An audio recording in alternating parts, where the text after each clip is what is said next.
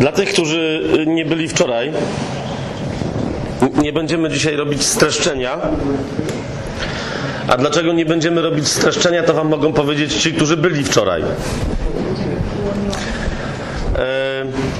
naprawdę robiłem wszystko, co możliwe, żeby temat odpowiednio e, na, na, nawodnić, że tak powiem ale żeby nie lać wody, tylko żeby to, co mieliśmy do powiedzenia, żeby zostało wypowiedziane tak e, szeroko i tak głęboko jednocześnie, jak się dało w ciągu trzech sesji. I wylądowaliśmy wczoraj tam, gdzie chrześcijanin i chrześcijanka powinni wylądować, czyli na krzyżu. Tak, skończyliśmy wczorajszą sesję, ostatnią. E, tym wielkim tematem, który jest tematem, zdaje się, w wielu częściach ciała Chrystusa dzisiaj kompletnie zapomnianym, mianowicie, że miejsce chrześcijanina, chrześcijanki nie jest pod krzyżem na Golgocie, ale że jest na krzyżu na Golgocie.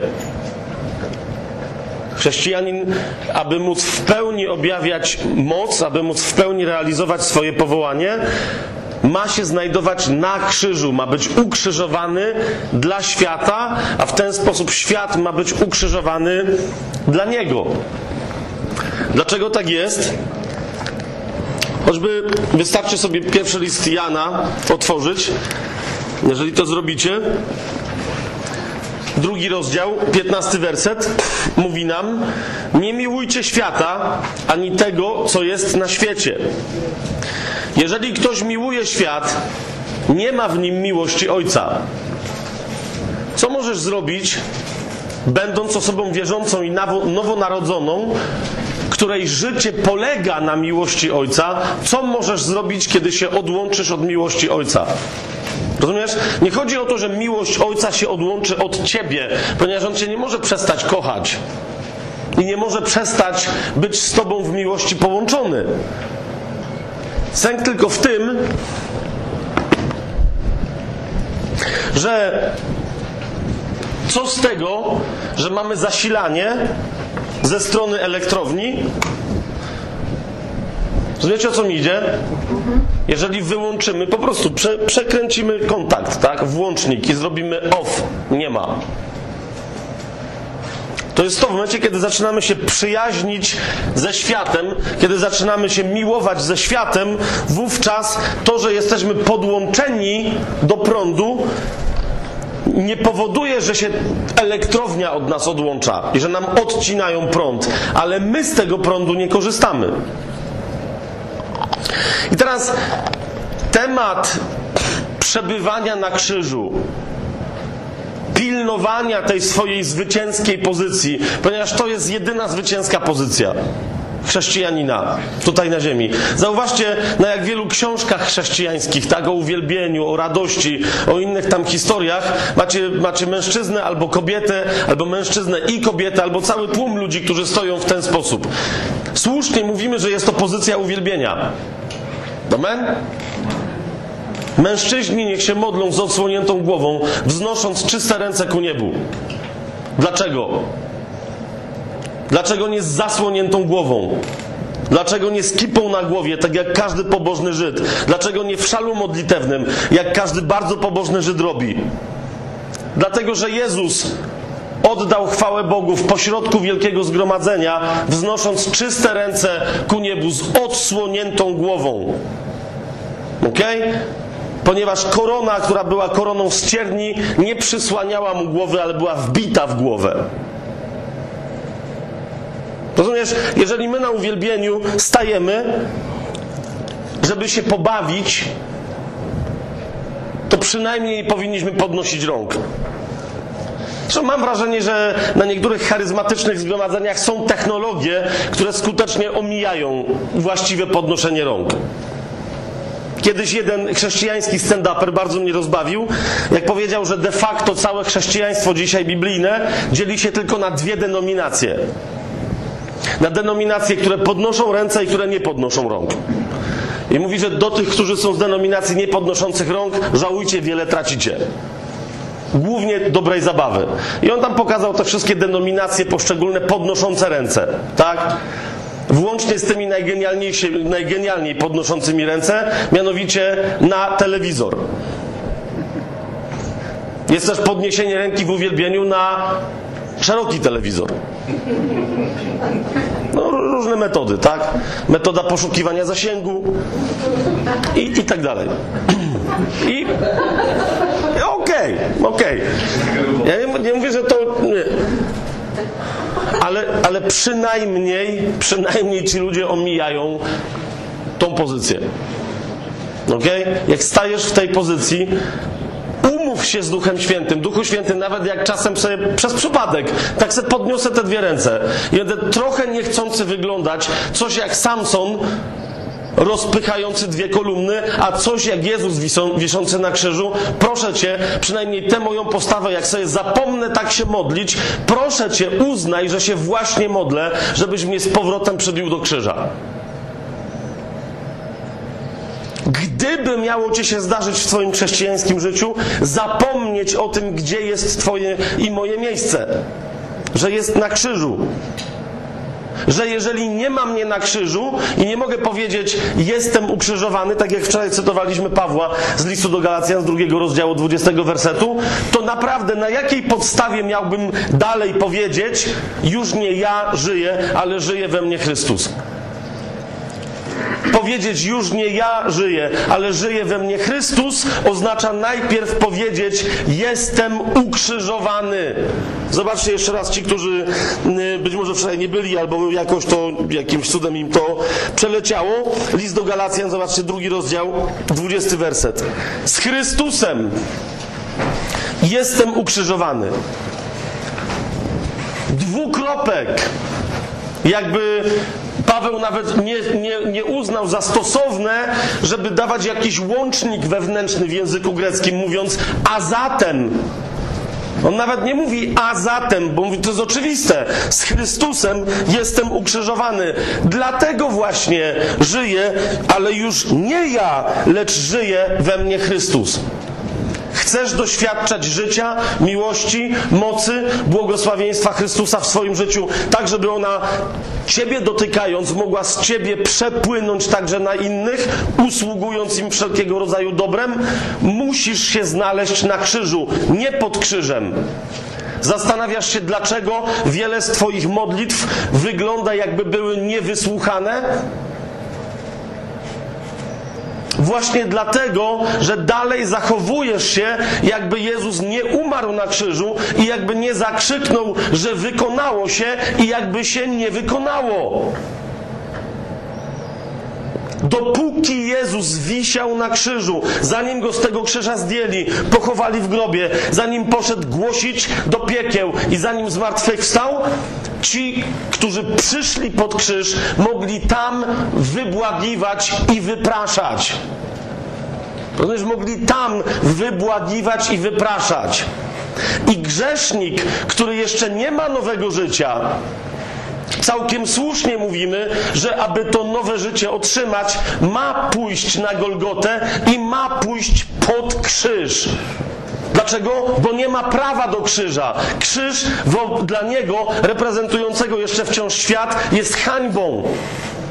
Ten, który wisi na krzyżu, dla tego, kto jest jeszcze w świecie, jest przekleństwem, ponieważ samo pismo powiedziało, że przeklęty jest ten, który wisi na drzewie.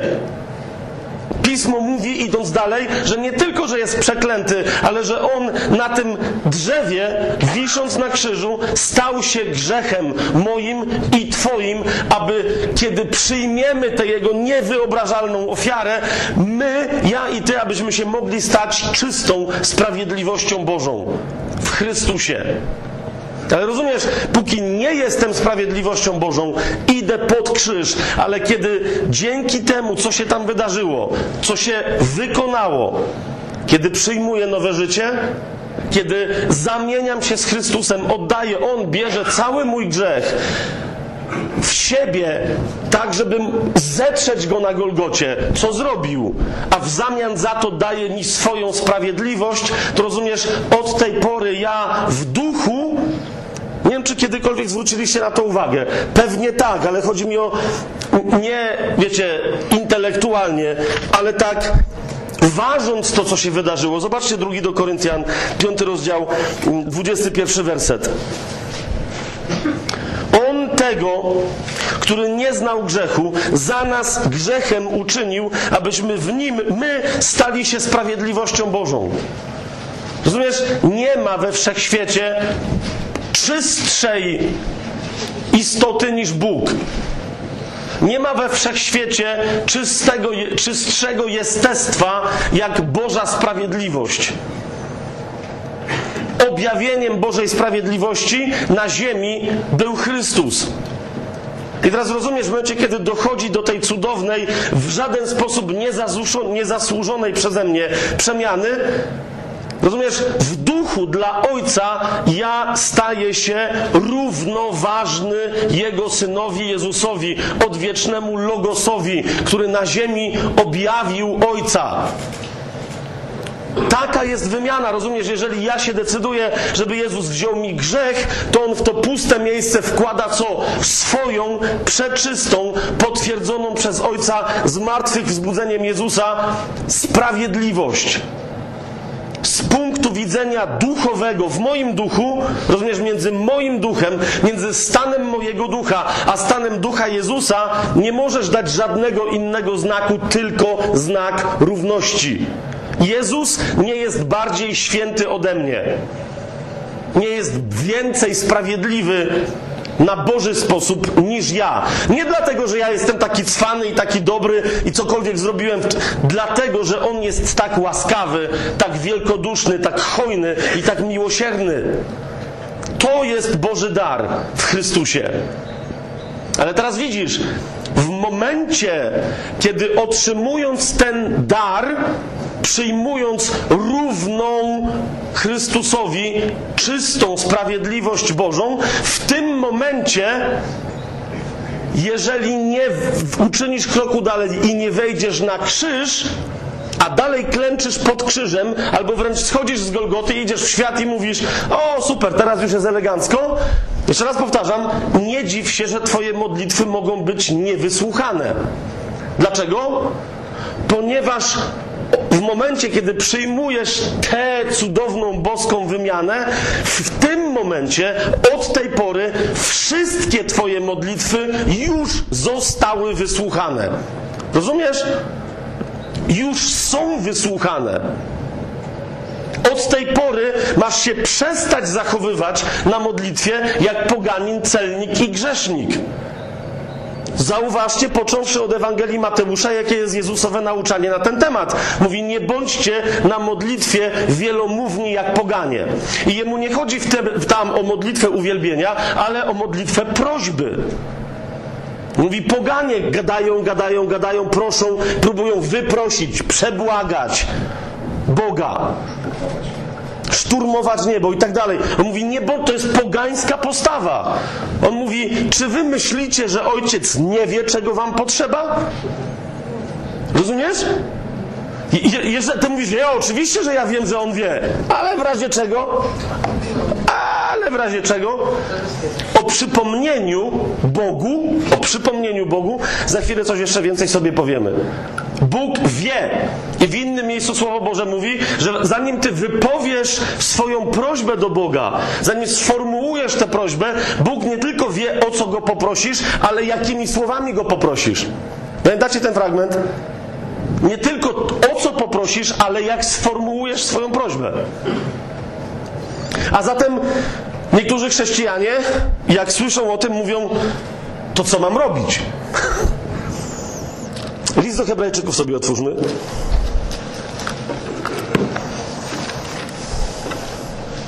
Widzisz, jeżeli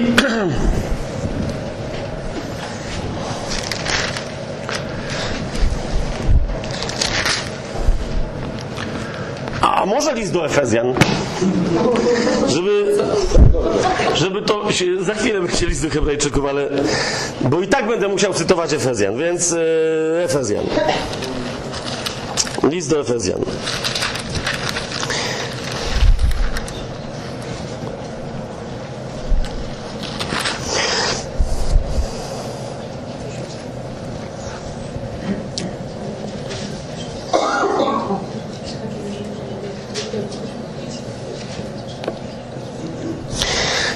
nie będę teraz się wdawał w te wszystkie historie e, listu do Efezjan. Genialne, ale e, i nie będę mówił, e, jak jasno wynika z listu do Efezjan, gdzie my się znajdujemy, bo zawsze wokół tego jakieś tam kontrowersje e, teologiczne powstają. Więc zamiast tego chcę tylko Tobie i sobie przypomnieć, gdzie zasiada Chrystus. W momencie, kiedy Bóg objawił tę moc, która cały czas, tę samą moc, która działa w nas. Zobaczcie pierwszy rozdział listu do, do Efezjan. To jest y, pierwsza wielka modlitwa listu do Efezjan, nie ta, którą wczoraj się posługiwaliśmy i którą wczoraj rekom rekomendowałem. Tak? Paweł tutaj y, w tym pierwszym rozdziale mówi, że cały czas dziękuję, wręcz mówi, że nie przestaje dziękować za Efezjan. To jest szesnasty werset, a jednocześnie nie przestając dziękować za Efezjan, zobaczcie w siedemnastym wersecie, mówi, że cały czas prosi, aby Bóg naszego Pana Jezusa Chrystusa, Ojciec chwały, dał wam ducha mądrości i objawienia w poznaniu Jego samego. I dalej, ażeby oświecił oczy waszego umysłu, abyście wiedzieli, czym jest nadzieja waszego powołania. I tak dalej. Ale też dziewiętnasty werset. Czym jest przemożna wielkość Jego mocy wobec nas? Jego moc działająca wobec nas, i jeszcze dalej, jak będziemy czytać, działająca w nas, jest jaką mocą? To jest ta moc, zobaczcie 20 werset, którą Ojciec okazał w Chrystusie, gdy go wskrzesił z martwych i posadził po swojej prawicy w miejscach niebiańskich wysoko ponad wszelką zwierzchnością i władzą, mocą, panowaniem i ponad wszelkim imieniem wypowiadanym nie tylko w tym wieku, ale i w przyszłym. I wszystko poddał pod jego stopy, a jego samego dał jako głowę ponad wszystkim Kościołowi, który jest jego ciałem. I dalej drugi rozdział powiada, i was ożywił, którzy byliście umarli w upadkach i w grzechach, w których niegdyś postępowaliście, i trzeci werset wśród nich, i my wszyscy żyliśmy niegdyś, ale Bóg bogaty w miłosierdzie nas wyrwał. Zobaczcie szósty werset. Razem z Chrystusem wskrzesił i razem z Nim posadził w miejscach niebiańskich w Chrystusie Jezusie. Już teraz, zauważcie, że jest to liczba, jest to, jest to czas przeszły, nie teraźniejszy dokonany, ale tam jest czas przeszły, że dokładnie tak samo jak Chrystusa, tą samą mocą wskrzesił i posadził, w niebo wziął i posadził po swojej prawicy, tak samo my duchowo mamy tam dostęp. Ale ponieważ niektórzy mają wątpliwości co do tego dostępu, że to jest pewien symbol, że coś tam, yy, jak mówię, nie będę z tym dyskutował. Tylko, tylko pokażę wam inną drogę. Jak mówili do Hebrajczyków, nową i żywą. Dlaczego na to samo wychodzi? Otóż jeżeli, wrócę do tej zamiany, jeżeli oddając cały swój grzech, Chrystus biorąc cały mój grzech, dał mi swoją sprawiedliwość Bożą, to zauważcie z wielu innych miejsc pisma, nie będę teraz się rozwodził, ale jest to rzecz oczywista, ile jest sprawiedliwości Bożych różnych. Wiem, że to jest głupie pytanie, w sensie, no jest jedna, tak? Jest jedna sprawiedliwość Boża. Nie, nie ma dziesięciu różnych. Gdyby były różne, to, to by znaczyło, że jedna z nich jest tylko najprawdopodobniej doskonała, a i to nie wiadomo, a dziewięć jest gorszych. Tak? Istnieje tylko jedna sprawiedliwość Boża, ponieważ sprawiedliwość Boża jest doskonała, jak o tym świadczy pismo. A zatem, jeżeli ja się stałem sprawiedliwością Bożą w duchu, to niezależnie od tego, gdzie w tej chwili przebywa Chrystus, który też jest sprawiedliwością Bożą, ja w duchu muszę się znajdować w tym samym miejscu. Czy to jest jasne, o czym mówię? Muszę się znajdować w tym samym miejscu. Mogę cieleśnie się nie znajdować w tym samym miejscu. Wręcz powiedziałbym, że nie bardzo się mogę znajdować w tym samym miejscu. Ciało musi strzeznąć, ponieważ ciało, to ciało do końca pozostanie poddane prawu grzechu i śmierci. Słowo Boże jest w tej kwestii jasne. Potrzebujemy ciała, tak jesteśmy stworzeni, ale po to jest właśnie zmartwychwstanie. Natomiast to ciało nie, nie będzie tylko, wiecie, poprawione. To ciało ma być zniszczone, a dostaniemy nowe duchowe. Chociaż, jeszcze raz powtarzam, ciało, a nie dostaniemy drugiego ducha, w którym nasz pierwszy duch by miał jakoś dziwnie przebywać. A zatem, a zatem, jeżeli ja, będąc sprawiedliwością Bożą, przez tę sprawiedliwość jestem w jedności duchowej z Chrystusem, to dlatego list do Hebrajczyków w dziesiątym rozdziale, jak go sobie otworzycie, mówi o tej nieprawdopodobnej śmiałości, jaką w całym wszechświecie mogą mieć tylko ci, którzy są odkupieni krwią Chrystusa i to odkupienie przyjęli. Dziesiąty rozdział listu do Hebrajczyków powiada, dziewiętnasty werset, mając więc, bracia, śmiałość, aby przez krew Jezusa wejść do najświętszego miejsca drogą nową i żywą, którą zapoczątkował dla nas przez zasłonę, to jest przez swoje ciało. I mając wielkiego kapłana nad domem Bożym, czyli Chrystusa, zbliżmy się ze szczerym sercem, w pełni wiary, mając serca oczyszczone od złego sumienia, a ciało obmyte czystą wodą.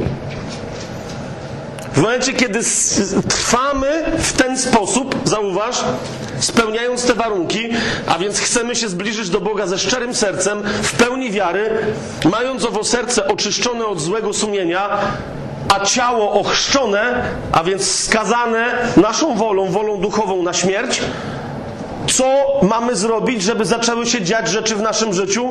Mamy przestać wołać, jakbyśmy nie byli synami i córkami Bożymi. Ale mamy się udawać tam, gdzie siedzi ojciec, żeby to, co on już wysłuchał, móc po prostu wziąć. Drogą jak mówi list do Hebrajczyków, nową i żywą, którą Chrystus dla nas zapoczątkował i otworzył w swoim ciele rozdartym na krzyżu. Rozumiesz? Ta brama, o której Jezus powiedział, mówiąc: Ja jestem bramą dla owiec. Kto przeze mnie wejdzie, ten wejdzie, wyjdzie i znajdzie pokarm, to jest Jego ciało rozdarte za mnie i za Ciebie na krzyżu, zamienione w grzech i starte na krzyżu, żeby mieć pewność, że, jak mówi dziewiąty, y, dziesiąty, tenże sam rozdział listu do Hebrajczyków, grzechów i nieprawości ich nigdy więcej nie wspomnę, mówi Pan. Nie może wspomnieć czegoś, co zostało przeklęte i jako przeklęte raz na zawsze starte i zaginione. Dlatego w innym miejscu pismo mówi, że Jezus zmazał nas nasz zapis dłużny. Nie może do mnie przyjść diabeł i z rachunku, nawet jeżeli on taki jeszcze w piekle prowadzi. Rozumiecie o co mi chodzi? Nie może do mnie przyjść z jakimś zapisem swoim starym z piekła i powiedzieć, e, Błaszkiewicz, tutaj mam parę jeszcze faktów, którymi mogę cię szantażować w przyszłości. Ja się odwołuję do zapisu niebieskiego i pytam się, ojcze, jakiś szmaciarz tu przyraz i mnie szantażuje. Ja nie wiem bardzo o co chodzi. Czy ty wiesz? Ojciec podchodzi, szatan oczywiście, wiecie, nie wytrzymałby tego, tego, spotkania, ale załóżmy, szatan czeka i ojciec otwiera i mówi, to co tam szatan masz, bo nie chce mi się za bardzo tracić czasu. Co mówisz, że co?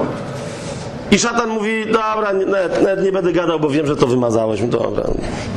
Nie, nie udał mi się trik.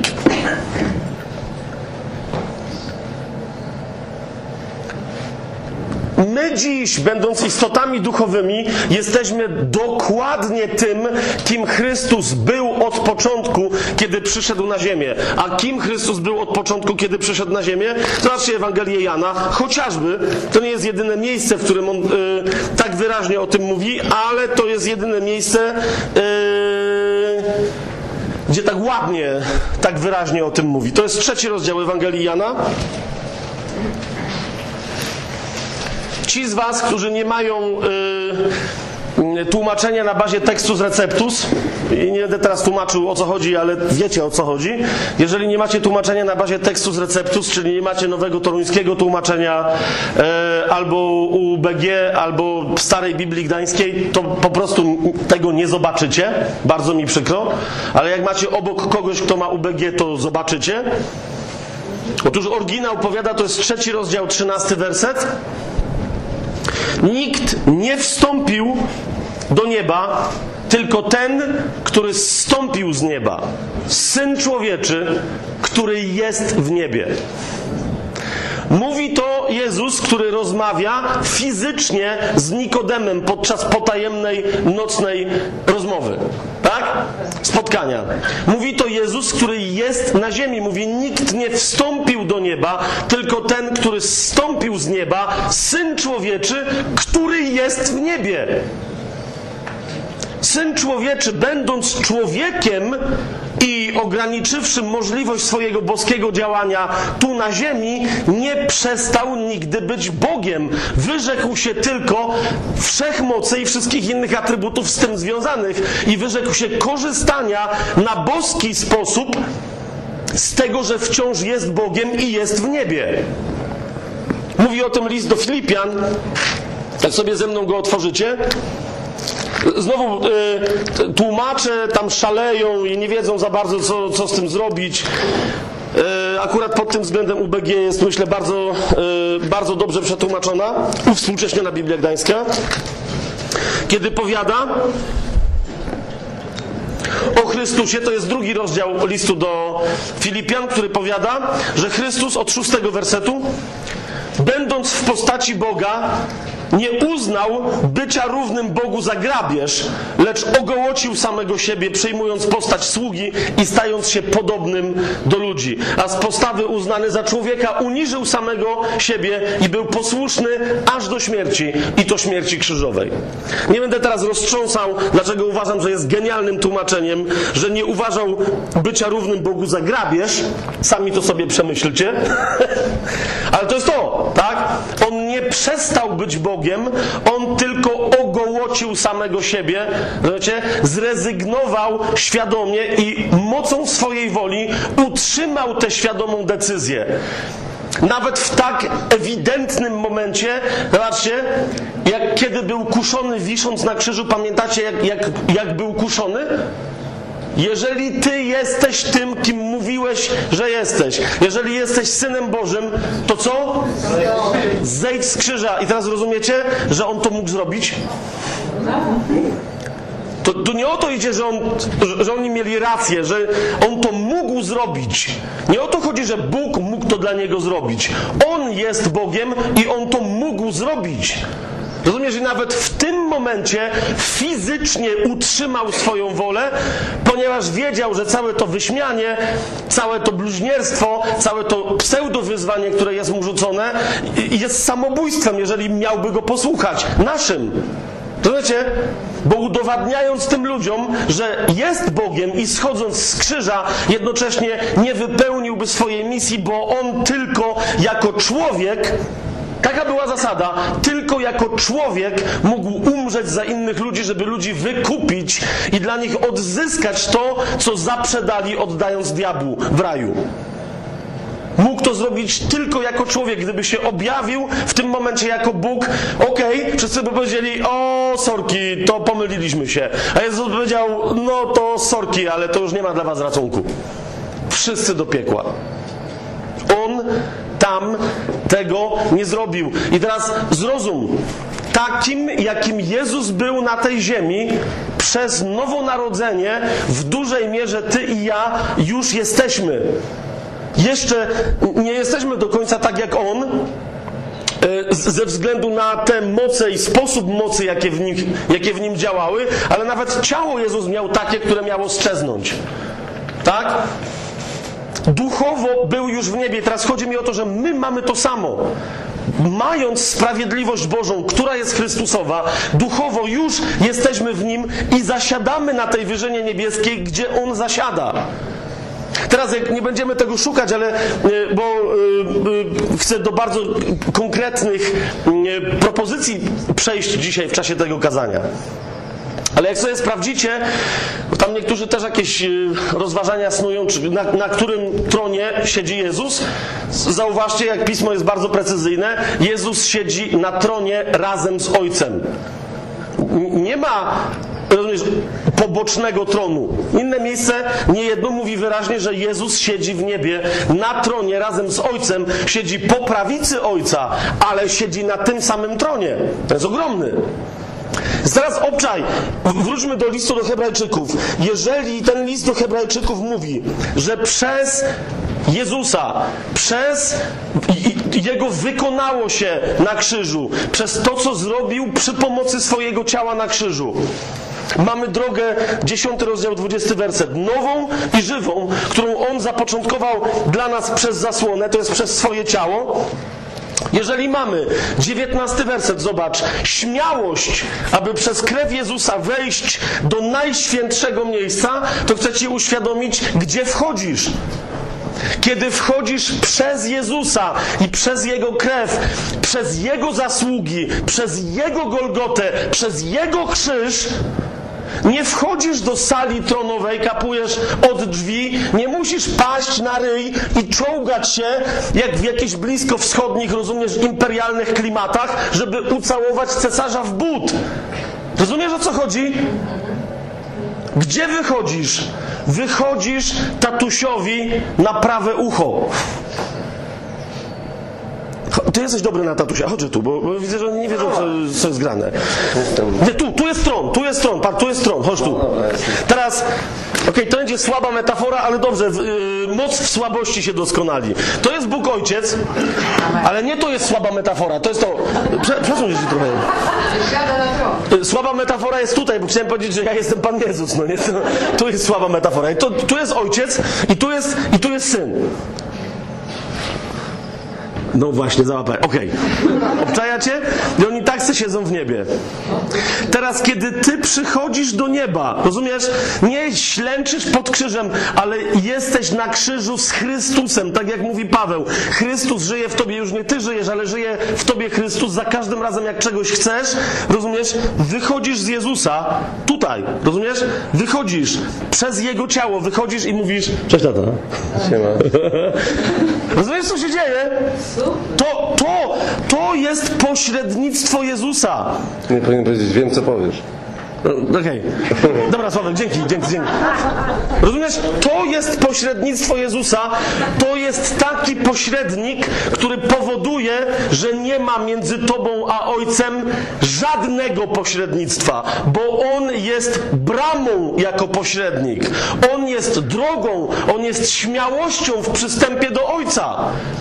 Dlatego rozumiecie, jak słyszę na przykład koncepcję, ja nie chcę teraz nikogo znowu urażać, tak? No ale po prostu to jest mój background były, czyli katolicyzm. Jak ja słyszę przez Maryję do Jezusa, to w sensie, nawet załóżmy, że Maryja jest drogą do furtki, rozumiecie? Znaczy, to już jest bluźnierstwo samo w sobie, bo Jezus jest drogą, tak? Ale chodzi mi o to, że no, no czujecie, że, że, że po prostu pośrednik do pośrednika, ale to jest taki pośrednik, który cię nigdy tam nie doprowadza, no nie? To jest pośrednik, który robi kurde głuchy telefon. Wiesz, to jest pośrednik, który bierze, który bierze monopol na twój kontakt z Bogiem. Zauważyliście to? Bo w całej tej koncepcji ta Maryja, ona bierze twoje modlitwy, bo ty nie możesz tam się zbliżyć. Ty nie masz sobie odpowiedniej, wiesz, godności czy czegokolwiek. Ona bierze te modlitwy, ponieważ ona rzekomo jest przeczysta i przenajświętsza, idzie do Jezusa. Teraz Jezus zasadniczo jest wrednym typem w tej historii. Wybaczcie mi to, ale rozumiecie, on jest wrednym typem, no bo dlaczego nie chce wziąć od ciebie modlitwy?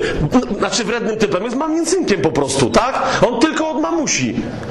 I teraz ona przychodzi i ona przekonuje, ona wie, że ty jesteś cymbałem, tak? Ale ona Jezusowi mówi, a daj spokój, no cymbał, ale w miarę, no nie? I Jezus mówi, no okej. Okay. I teraz on idzie, rozumiesz, do ojca, który jest Zeusem, kapujesz? Siedzi i patrzy, komu tu przyrąbać. To jest dokładnie, to, to, jest to, no nie? Po prostu to jest, wiecie, szef dresów, no nie? Nie wiem jak to nazwać. Po prostu siedzi, wiesz, jak jest na osiedlu, jest ekipa i każdy dres boi się, to jest po prostu pan Jarzyna ze Szczecina, tak? Czy jak tam on tam się, rozumiesz, siedzi i mówi... Szef, szef. Co się patrzysz? To, mówiłem ci. Rozumiesz, i to nawet nie jest gość, który ruszy tyłek. Kapujesz, to nie jest gość, który ruszy tyłek. Mówi, ty jesteś jego ojcem? No to wal mu. Szybciutko. Widzisz? I ten mówi, nie, matka musi, no oj się zaczęło, tak? Ja mówię, bo to jest jego tata, wiecie o co chodzi. I to jest to. Teraz, teraz kapujesz. My niby, o co mi idzie? Zarzucamy katolikom jakieś tam, wiecie, koncepcje, ale zauważcie, jak często nawet jeżeli wyeliminujemy Maryję jako pośredniczkę, mamy Jezusa, który jest takim właśnie pośrednikiem. Rozumiesz? Ty idziesz pod krzyż.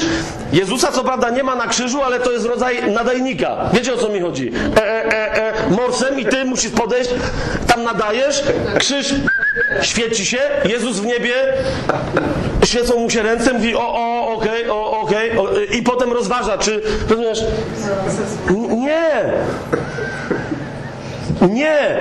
On się zgodził na taką jedność. Rozumiesz, jak list do Filipian mówi o tym uniżeniu, to tam nie szło tylko o to, że on był posłuszny aż do śmierci, ale o to, że był posłuszny aż do takiej śmierci, która taką nędzną istotę jak ja, a nawet ty, z całym szacunkiem, który taką nędzną istotę doprowadził do takiego wywyższenia, do takiej bliskości, o jakiej nikt nie miał prawa nawet pomarzyć, żeby pomarzyć. Rozumiesz? Pewnym sensie troszeczkę nie dziwię się Lucyferowi. Troszeczkę, tak? Puh. Ale chodzi mi o to, że tro, rozumiesz, bo jak on, to jest cały czas to. Rozumiesz, Lucyfer, podobnie jak wiele inny, innych istot duchowych, o których wczoraj rozmawialiśmy, to jest istota duchowa, nie ma ciała. Rozumiecie o co mi idzie, tak? Dla tych upadłych aniołów, zresztą bywa, że przy jednym czy drugim starciu tego typu hasło padło, jak tam kiedyś się nim posłużyłem, się wszyscy śmiali. Eee, tak o nas niektóre upadłe anioły myślą, tak? Mianowicie małpoduch. Rozumiesz, ty jesteś. Popatrz, jak, jak e, Maja, pokaż się wszystko. Znaczy, delikatna dziewczynka, no w życiu ktoś by ją. No pokaż się. A rozumiesz, a diabeł ją widzi i mówi: Tfu, małpoduch. Co jest, rozumiesz, dodatkowym bluźniecem, bo mówi, że no po prostu, no małpa. No małpa. Z jakimś czymś, co ona myśli, że jest duchem. Zobacz, jakim ja jestem pięknym duchem. Zobacz, jak ja niosę światło. Zobacz! Ja byłem częścią tronu Boga, rozumiesz? Bóg się na mnie opierał. Popatrz na tego małpoducha. Jak myślisz, od kogo może pochodzić koncepcja, że człowiek pochodzi od małpy? Od kogoś, kto o tobie myśli jako małpie. I nie chodzi mi o to, że to był Darwin, tak? Bo to nie była jego koncepcja. If you know what I mean.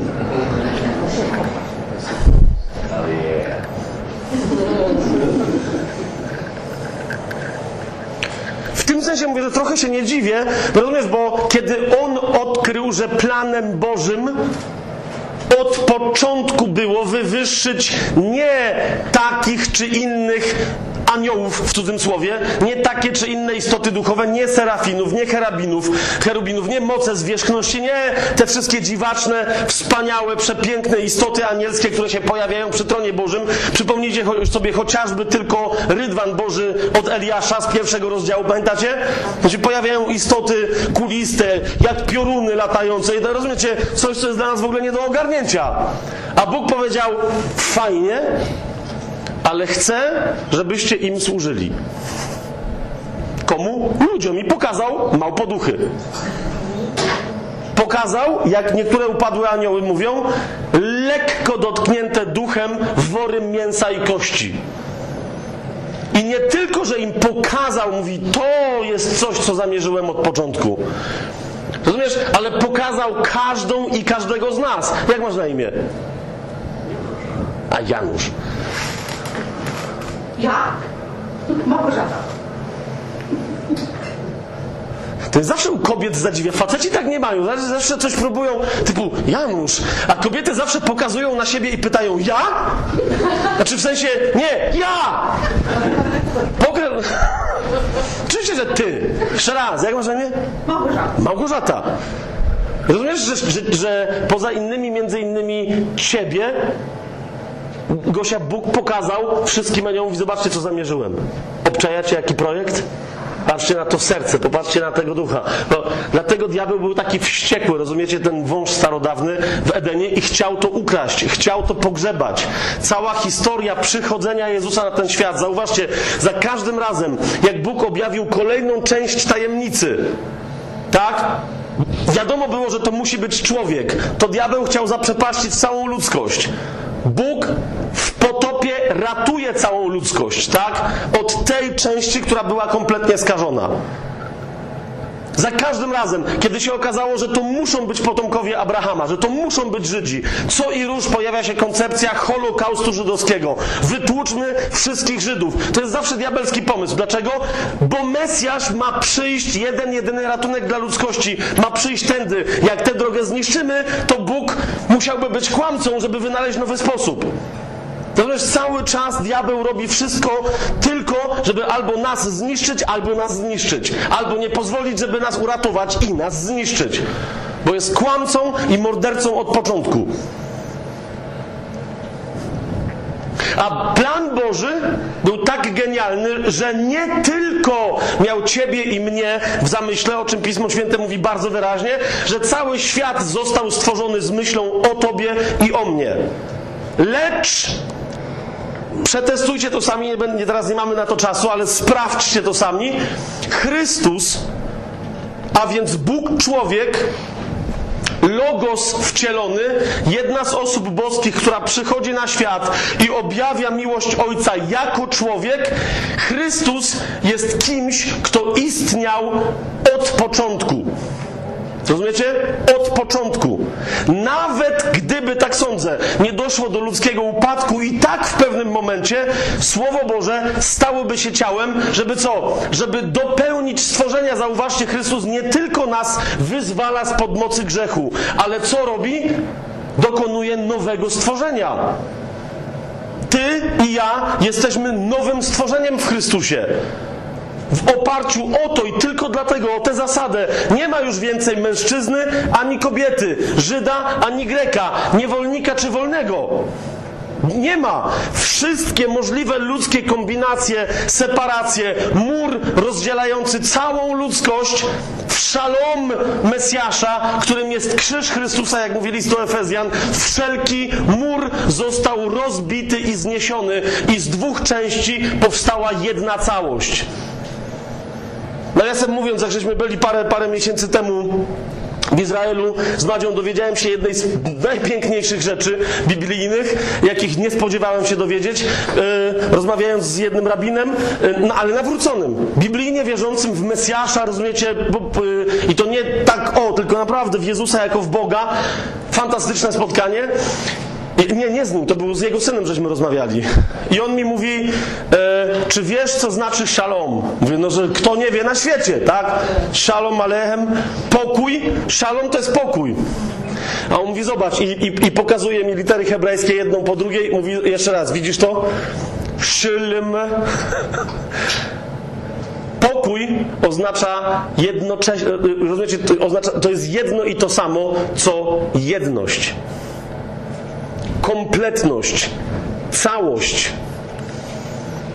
Dlatego, kiedy Paweł w liście do Efezjan mówi o tym, że krzyż wprowadził pokój, to dlatego mówi o tym, że zburzył mur i z dwóch części powstała całość, ponieważ w Bogu pokój jest całością albo nie jest pokojem.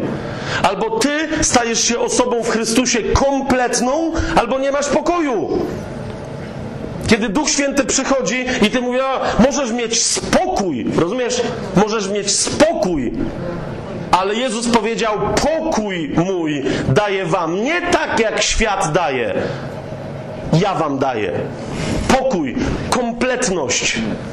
Ta kompletność jest w Chrystusie i ona stanowi o Twojej, mojej jedności z Ojcem. W momencie, kiedy się modlisz, idź do Ojca, jak dziecko przychodzi do dobrego Ojca, któremu można ufać i bierz. Idź i bierz. Masz to samo teraz, to błogosławieństwo, które miał Jezus. Rozumiesz, nawet w sytuacji, kiedy przyjaciel Jezusa, Łazarz, śmierdzi w grobie, bo cztery dni tam leży, Jezus przychodzi i w jaki sposób prosi i błaga swojego ojca o to, żeby go wysłuchał i żeby podniósł jego przyjaciela z grobu. Jak go prosi? Jeszcze raz, sprawdźcie to sami sobie w Ewangelii. W ogóle go nie prosi. A nawet jeżeli go prosi, to Jan w ogóle nie uznał za stosowne, żeby o tym wspomnieć. Jezus przychodzi na miejsce i co mówi? Rozumiesz? To jest to, ponieważ on jest na ziemi, ale jest synem człowieczym, który także jest w niebie. Więc, będąc tu na ziemi, mówi ojcu na prawe ucho: Ojcze, dziękuję ci, że mnie wysłuchałeś, bo ty mnie zawsze wysłuchujesz. Okej? To, jest, to jest cała jego modlitwa. Wszyscy stoją obok i mówią: Ale co? Jezus sobie pomyślał i zechciał, rozumiesz, że, żeby jego przyjaciel został wskrzeszony z martwych. Więc podchodzi i mówi: Ojcze, ty wiesz. I wiesz, że moje pragnienie jest zgodne z Twoim. Dziękuję Ci, że mnie wysłuchałeś, bo Ty mnie zawsze wysłuchujesz. Odwraca się do grobu i mówi: Łazarzu! Wyłaź! Wyłaź, bo wiem, że tam stoisz, dziadu. I dawno już byś wyszedł. To jakieś teatralne koncepcje mi wymyślę. Wyłaź! Łazarzu, wyłaź! Nie bawimy się w chowanego, bo tu inni już płaczą i opowiadają, że śmierdzisz. Łazarz wychodzi mówi, nie, to bandaże tylko, bo się od czterech dni nie myłem, także przebaczcie mi, ale...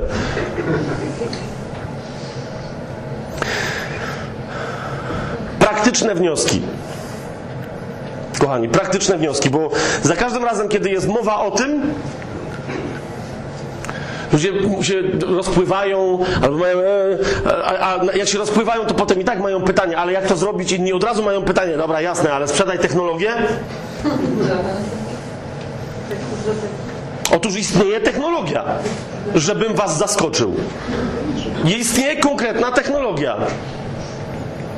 Żeby mieć ten właściwy kontakt i żeby być na tej drodze, jeszcze raz Paweł mówi, mam być ukrzyżowany ja dla świata, a świat dla mnie. Dlaczego? Bo jeżeli jestem w jakiejkolwiek przyjaźni z Ojcem, ze światem, to automatycznie nie jestem w przyjaźni z Ojcem. Czy rozumiecie o co mi chodzi? Spadam z krzyża.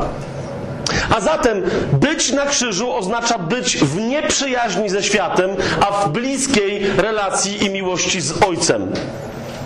Być na krzyżu, skoro jesteśmy w liście do Hebrajczyków, no to właśnie, to wróćmy do 13 rozdziału, który dzisiaj eksplorujemy zasadniczo od godziny 6 rano.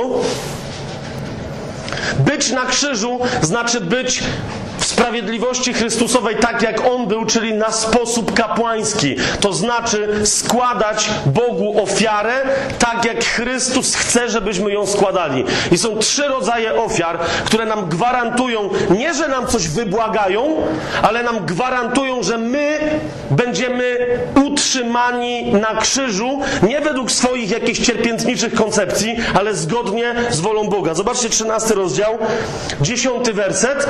Jest wyraźnie powiedziane, że tutaj chodzi o ołtarz. Ołtarzem jest krzyż. Kto jest na krzyżu, ten sprawuje ofiary jako Chrystusowy kapłan. A jakie to są ofiary? Czytamy od dziesiątego wersetu. Mamy ołtarz, z którego nie mają prawa spożywać ci, którzy służą przybytkowi. Dwunasty werset. Dlatego i Jezus, aby uświęcić cały lud własną krwią, cierpiał poza bramą.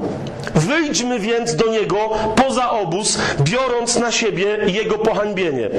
Nie mamy tutaj bowiem miasta trwałego, lecz tego przyszłego szukamy.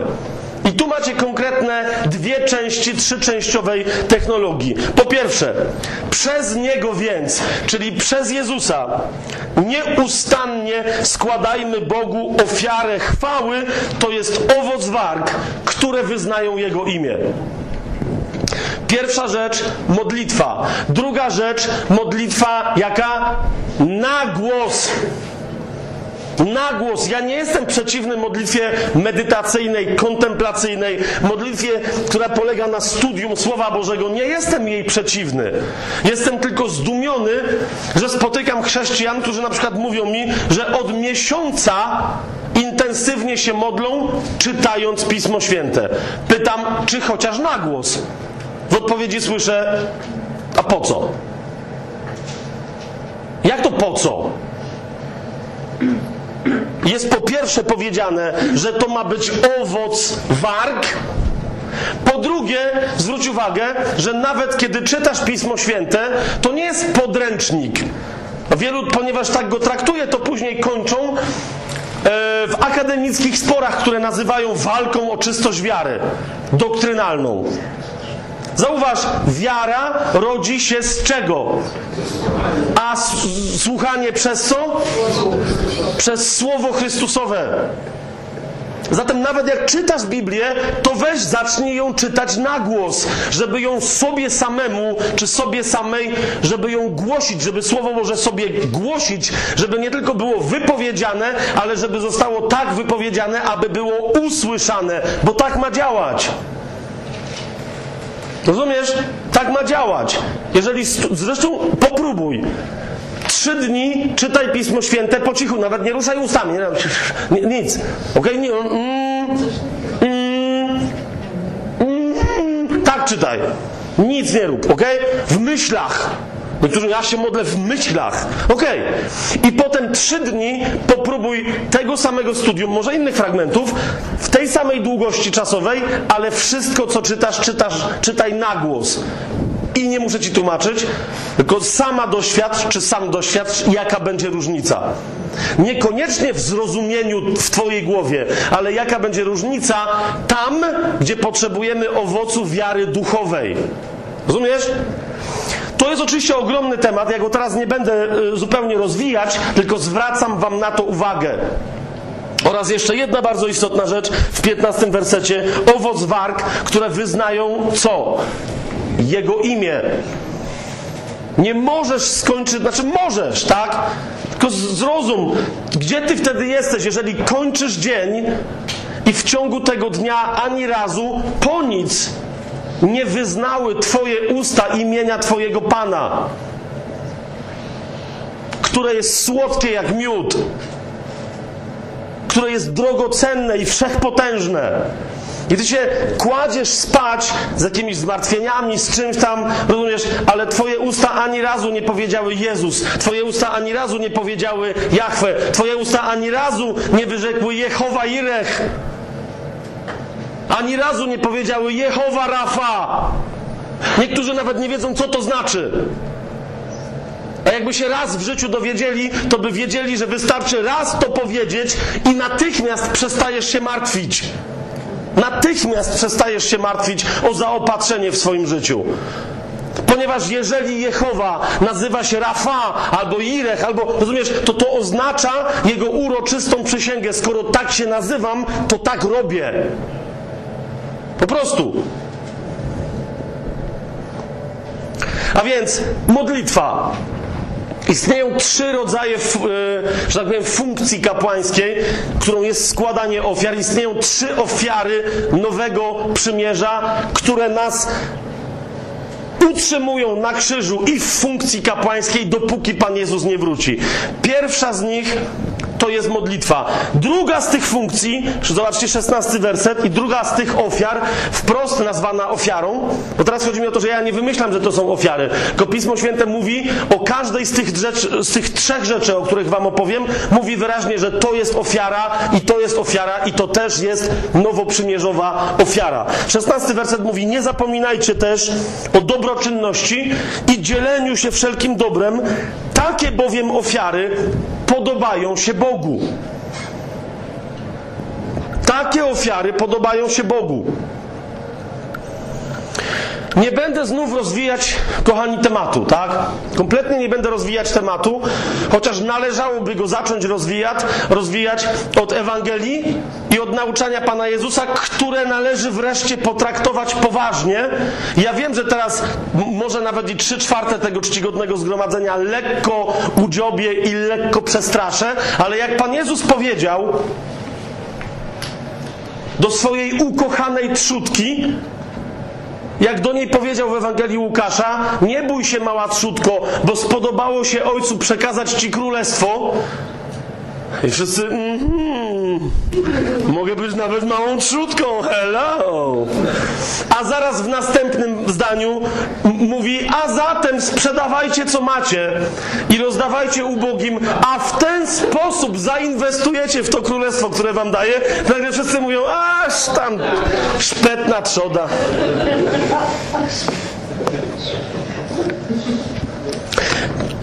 Teraz, kochani, e, e, naprawdę nie będę w ogóle na ten temat mówił dzisiaj, tak? Ale mówię ci, rozważ to poważnie. Czy jesteś Chrystusowym, Chrystusowy kapłan, jeżeli robi to, czy kapłanka, to co ma robić, składa trzy ofiary, rozumiesz, nie brak mu niczego. Uczniów w pewnym momencie, też w Ewangelii Łukasza, Pan Jezus pyta, czy kiedykolwiek, czegokolwiek wam brakło? Pamiętacie to? I jaka była ich odpowiedź? Wtedy wiedzieli. Mówią, nigdy niczego. Czy kiedykolwiek, czegokolwiek wa- wam brakło? No to chciałoby się zapytać za Panem Jezusem, no to jeszcze nie rozumiecie? Jeszcze nie rozumiecie?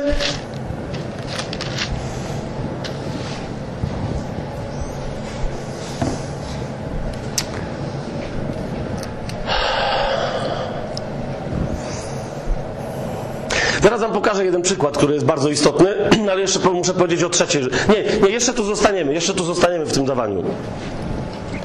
Bo chciałem, żeby, żeby naprawdę, żeby coś tu zabrzmiało jasno.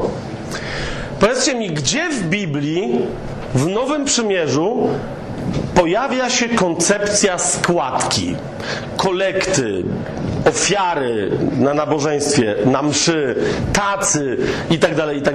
Gdzie w Nowym Przymierzu mamy taki koncept? Nie, nie, nie. Chodzi mi o składkę, że jeden kościół zbiera pieniądze i przekazuje te pieniądze innemu zborowi, który jest w potrzebie. Nie, nie. Mi chodzi o to, że jest, wiecie, wspólne zgromadzenie. W liście do Hebrajczyków e, Paweł mówi wyraźnie, że nie opuszczajcie wspólnych zgromadzeń. Gdzie jest mowa o tym, żeby na tych zgromadzeniach zbierać pieniądze? Pastor na mnie patrzy i mówi, "O, okej, wchodzimy na niebezpieczny grunt. Spokojnie, spokojnie.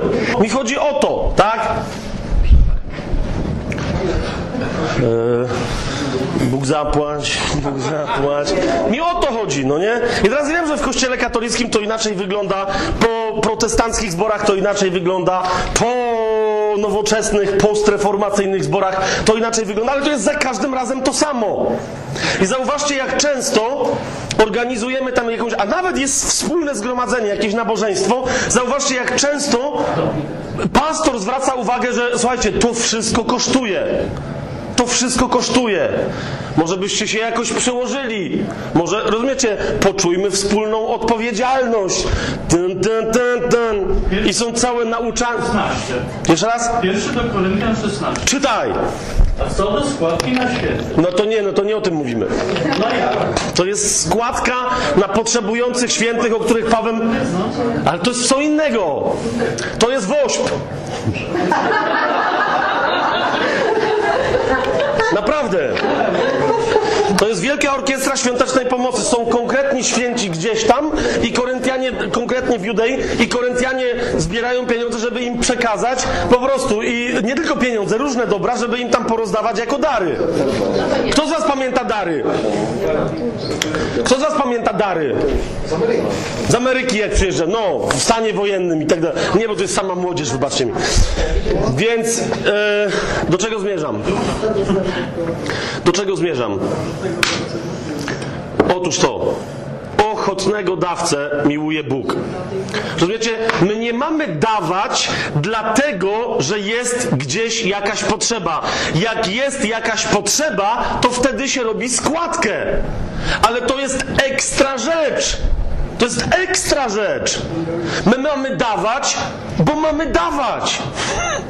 Bo mamy się dzielić. Rozumiesz?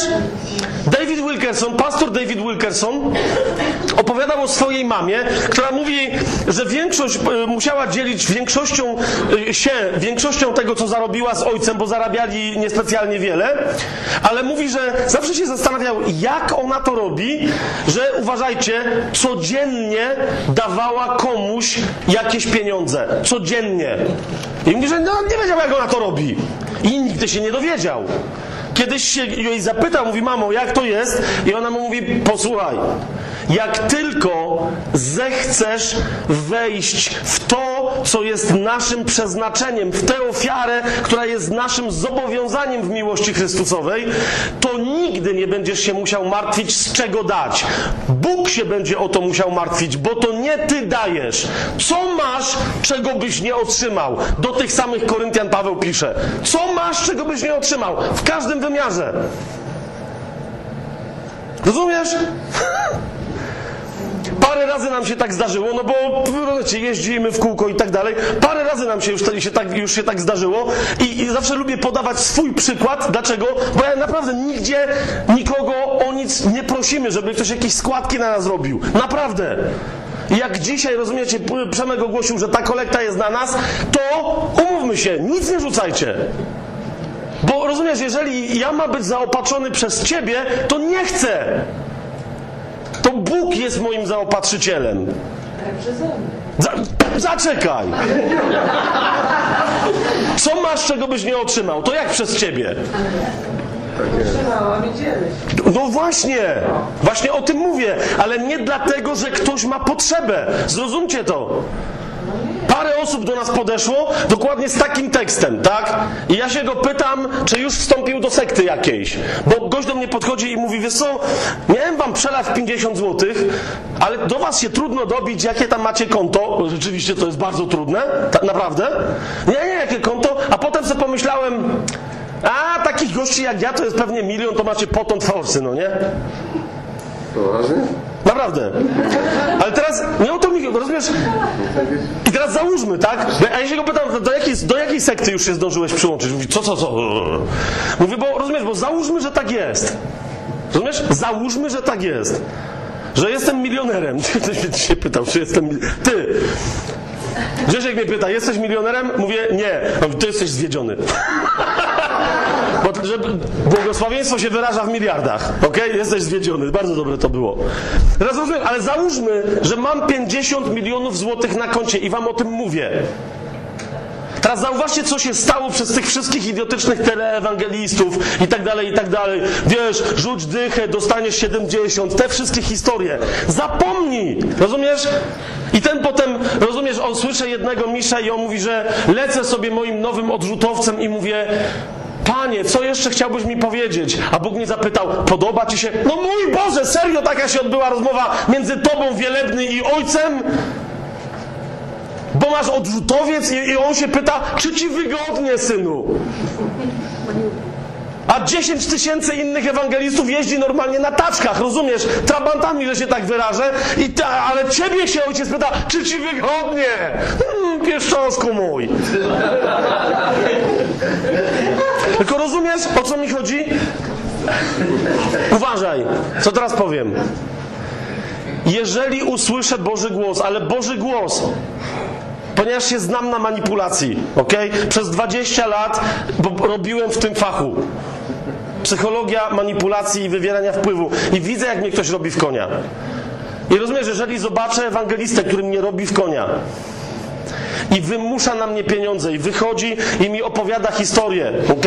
Że co kto sieje, to rządź będzie i te wszystkie rzeczy.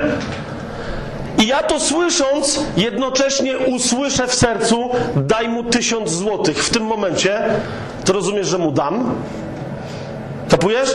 Bo nie ja tu, ja tu nie jestem pracodawcą. Kapujesz o czym gadam? Ja tu nie jestem instytucją charytatywną, nie jestem caritasem, który musi sprawdzić, czy ten żebrak czasem tylko nie udaje żebraka. Nie jestem instytucją, ja mam słuchać Boga. Ja mam słuchać Boga. I jeżeli Bóg mi powie, że mam mu dać, to mam mu dać. Zwykle tak nie mówi, ok? Zwykle w takich sytuacjach nic mi nie mówi. Zwykle mam pingla z jednej strony, a z drugiej strony mam lekkie postkatolickie poczucie winy, że zaraz pójdą z tacą, wypado coś rzucić. I wtedy mówię, wejdź ciało na krzyż, nic nie dam. Jeszcze włożę, rozumiesz, ręce i mówię, nie, nie rzucam. Tak o, dlaczego? Bo mi tak Bóg mówi. Nie, nie dlatego, że mi tak Bóg, Bóg dlatego, że po prostu nie widzę sensu. Nie wiem, po co w ogóle cokolwiek zbieracie? Nie zostałem nakarmiony Słowem Bożym, nie, nie wiem, co się dzieje. Nie będę wrzucać tylko dlatego, że idzie obok mnie koszyk. Rozumiesz?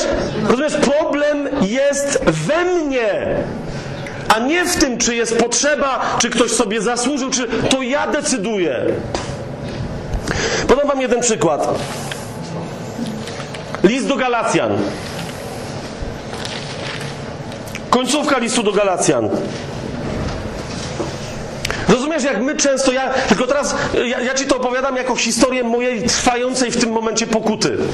Okay? Przypominam sobie poszczególne źródła, poszczególnych nauczycieli, niektórych odkryłem, że już nie żyją, od których uczyłem się Słowa Bożego. Albo wprost, albo przez ich genialne książki, albo przez ich genialne artykuły, przez ich genialne wykłady. Nie było ich wielu, to od razu muszę przyznać, ale byli. Okay? Nagle co odkrywam? Czytam list do Galacjan i czytam w nim ten, kto jest nauczony słowa, niech udziela ze wszystkich swoich dóbr temu, który go naucza. Ok? I teraz co ja się dowiedziałem? Ile? Dla mnie to było zawsze takie, to jest Amerykanin. Chciałbym mieć jeden pokoik taki, jak oni mają w całym tam swoim domu, modlitewny, dla ludzi, którzy go potrzebują w Krakowie. Chciałbym mieć jeden taki pokoik. Oni tam mają całą chałupę. Mówią wyraźnie wszemi wobec, że mają masę sponsorów swojej działalności. Rozumiesz? I ja przez lata sobie myślałem, to mają dość. To mają dość.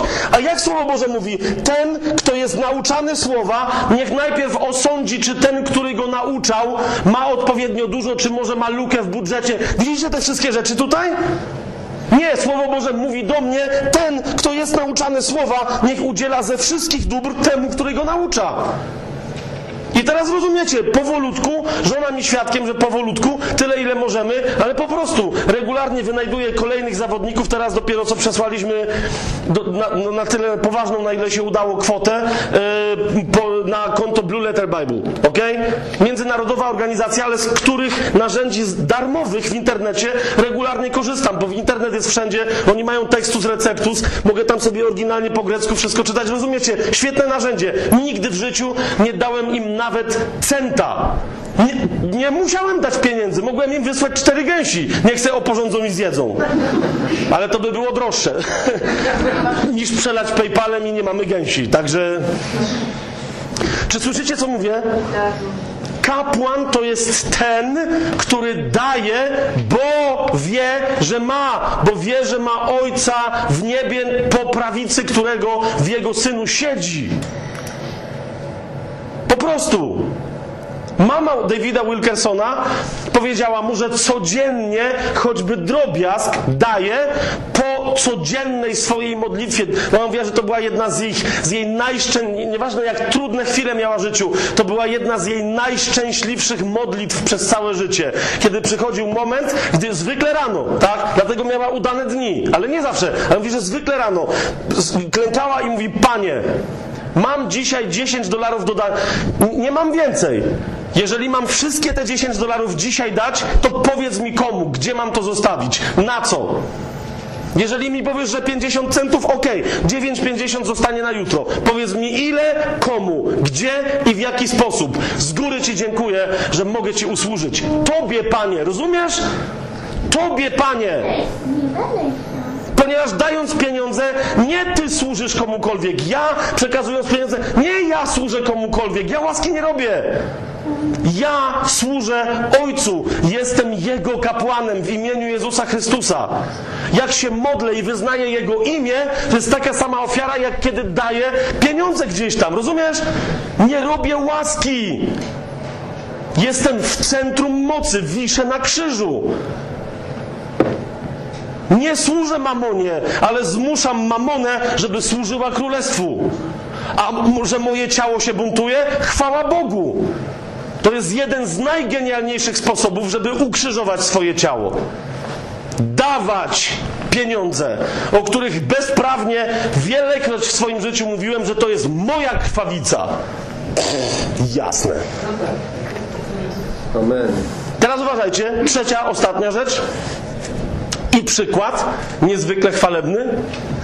Otóż w liście do Hebrajczyków, jak zauważycie, tej trzeciej rzeczy nie ma. A ja mówię, jest trzecia rzecz i jest trzecia ofiara. Otóż ta trzecia ofiara to nieco złożony temat. Chodzi o to, że ona ma nieco inny charakter niż te dwie, a mówi o niej w liście do Rzymian w 12 rozdziale Paweł. Powiadając, zaraz na samym początku tego listu, e, tego rozdziału, 12. List do Rzymian, dwu- 12 rozdział od pierwszego wersetu. Proszę więc was, bracia, przez miłosierdzie Boże, abyście składali wasze ciała jako ofiarę żywą, świętą, przyjemną Bogu i to jest wasza rozumna służba.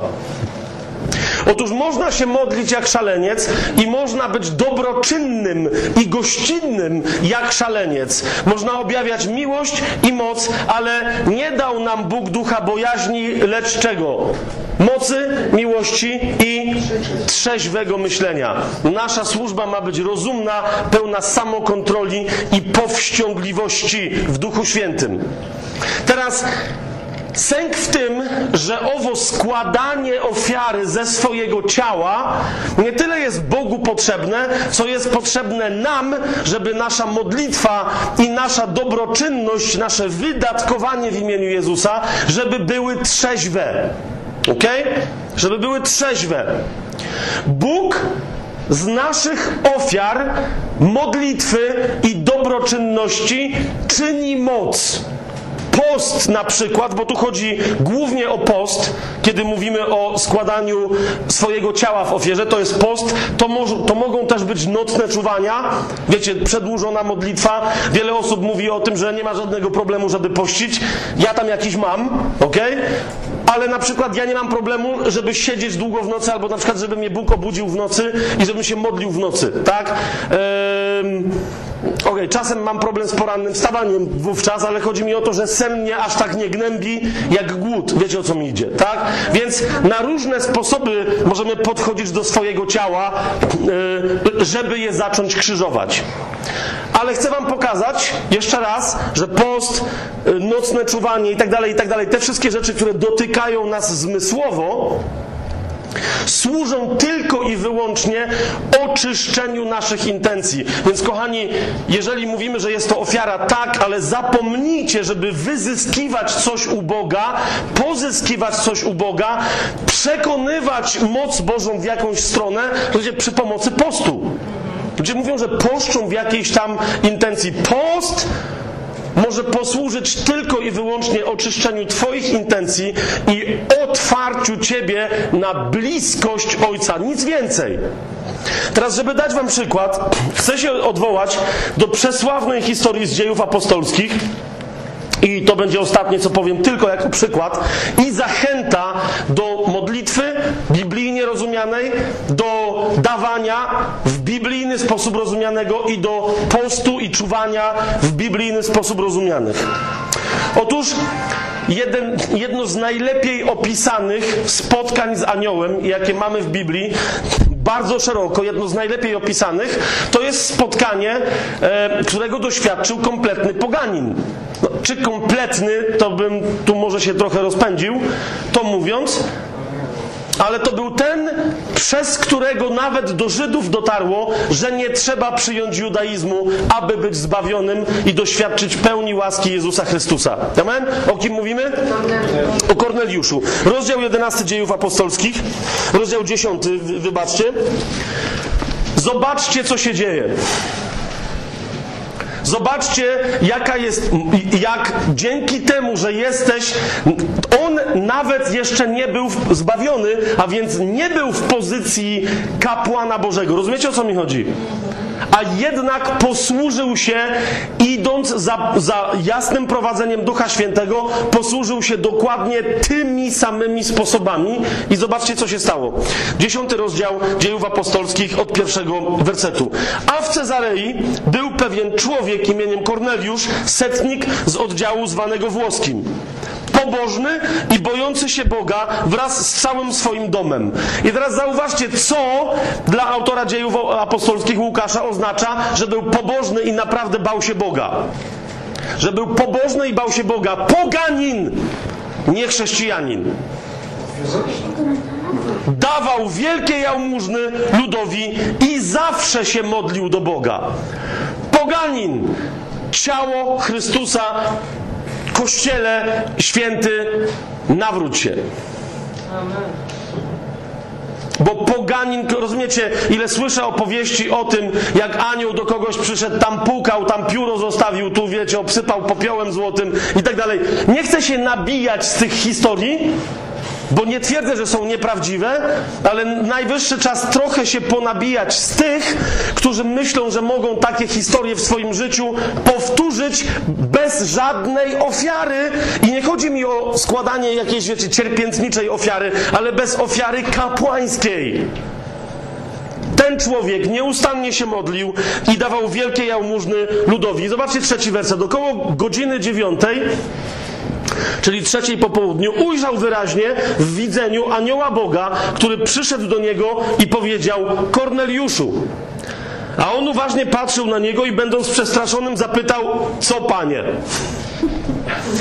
I odpowiedział mu: Zauważ, Autor dziejów apostolskich mówi, pobożność i bojaźń Boża wyrażała się w życiu pogańskiego Korneliusza tym, że dawał wielkie jałmużny i nieustannie się modlił. Przychodzi anioł i mówi, Bóg cię rozpoznał Korneliuszu, po czym Twoje modlitwy i jałmużny dotarły przed oblicze Boga jako przypomnienie.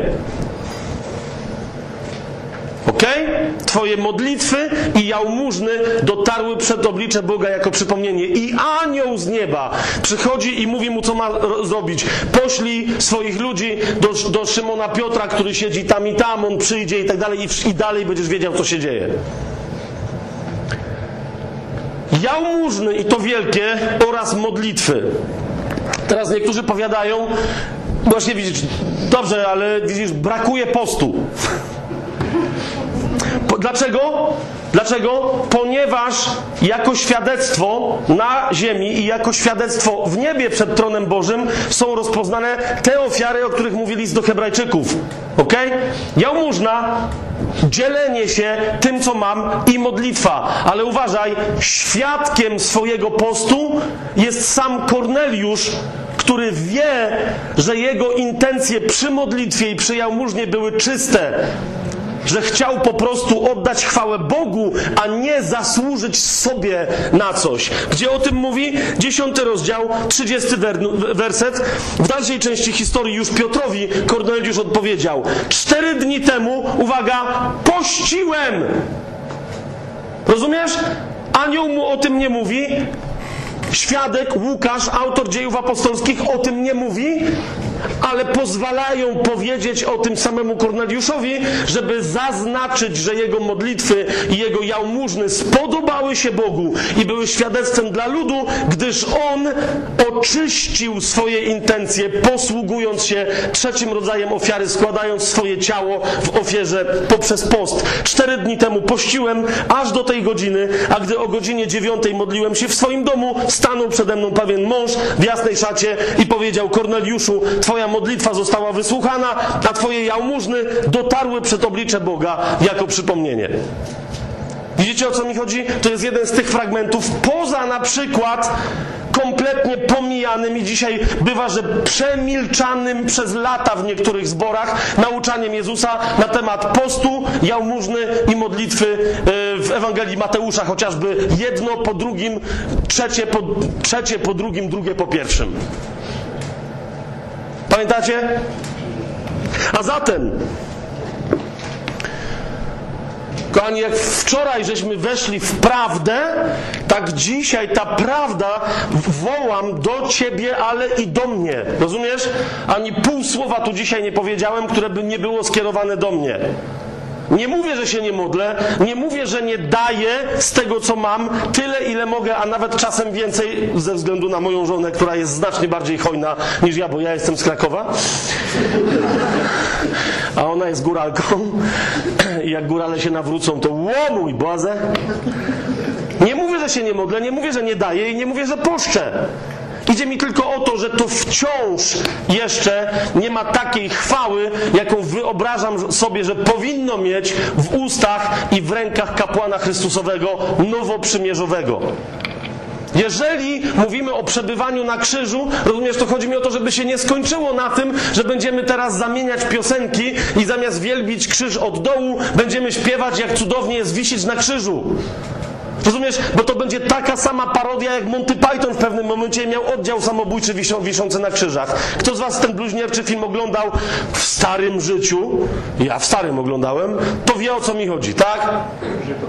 I tam sobie pogwizdywali w żywocie Briana. No właśnie o to mi chodzi, tak? To my możemy jeszcze dokładnie takiego samego bluź- bluźnierstwa się dopuścić, śpiewać teraz piosenki o tym, jak fajnie wisimy na krzyżu. Niektóre piosenki są tak bezczelne, że ja się ich boję śpiewać. W sensie ja się cieszę, że takie są. Rozumiecie, marzę o tym, żeby niektóre z pieśni, które mamy po kościołach, marzę o tym, żeby kiedyś je zaśpiewać, ale na razie się boję, bo wiem, że jakbym gębę otworzył i zaśpiewał ten tekst, który tam jest napisany, to byłbym hipokrytą. Rozumiesz, nie podniosę rąk tak jak Jezus na krzyżu i nie będę śpiewał, Panie Jezu, kocham Cię całym sercem, bo wiem, że, co, to rozumiesz? To będzie kłamstwo. Jeszcze nie teraz. Nie będę śpiewać. Razem z Chrystusem jestem ukrzyżowany, już nie ja żyję, ale żyje we mnie Chrystus, bo rozumiesz, że nie jestem pewien. Nie tego, czy Chrystus chce żyć we mnie, ale czy ja wiernie wiszę na krzyżu. Rozumiecie, o czym mówię? Więc teraz idzie mi o to, żeby nie zamienić to w jakąś pobożnościową, rozumiesz, tyratkę za jakiś czas, jakąś koncepcyjkę i foremkę, ale żebyśmy weszli w to, co Słowo Boże nam pokazuje, co jest testerem i drogą wiszenia na krzyżu, drogą przyjaźni z Ojcem, a nie przyjaźni ze światem. Post, jałmużna, modlitwa i z nich wynikająca miłość. Szósty rozdział listu do Hebrajczyków, skoro żeśmy tam mówili, to jest cały list o tym, co znaczy być kapłanem, na wzór arcykapłana, którym jest Chrystus. Naprawdę zacytuję to i nie będę już więcej komentował. Jak skończę, to tylko powiedzcie amen, kto się z tym zgadza, co napisał Paweł w liście do Hebrajczyków.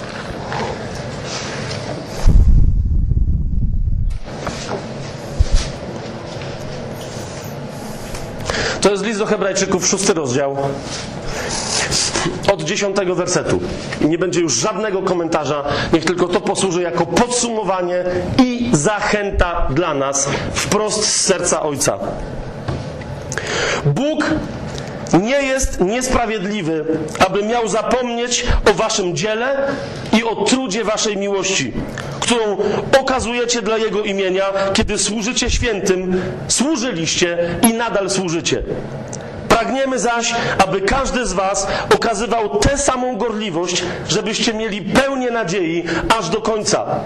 Abyście nie byli ociężali, ale naśladowali tych, którzy przez wiarę i cierpliwość już dziedziczą obietnicę.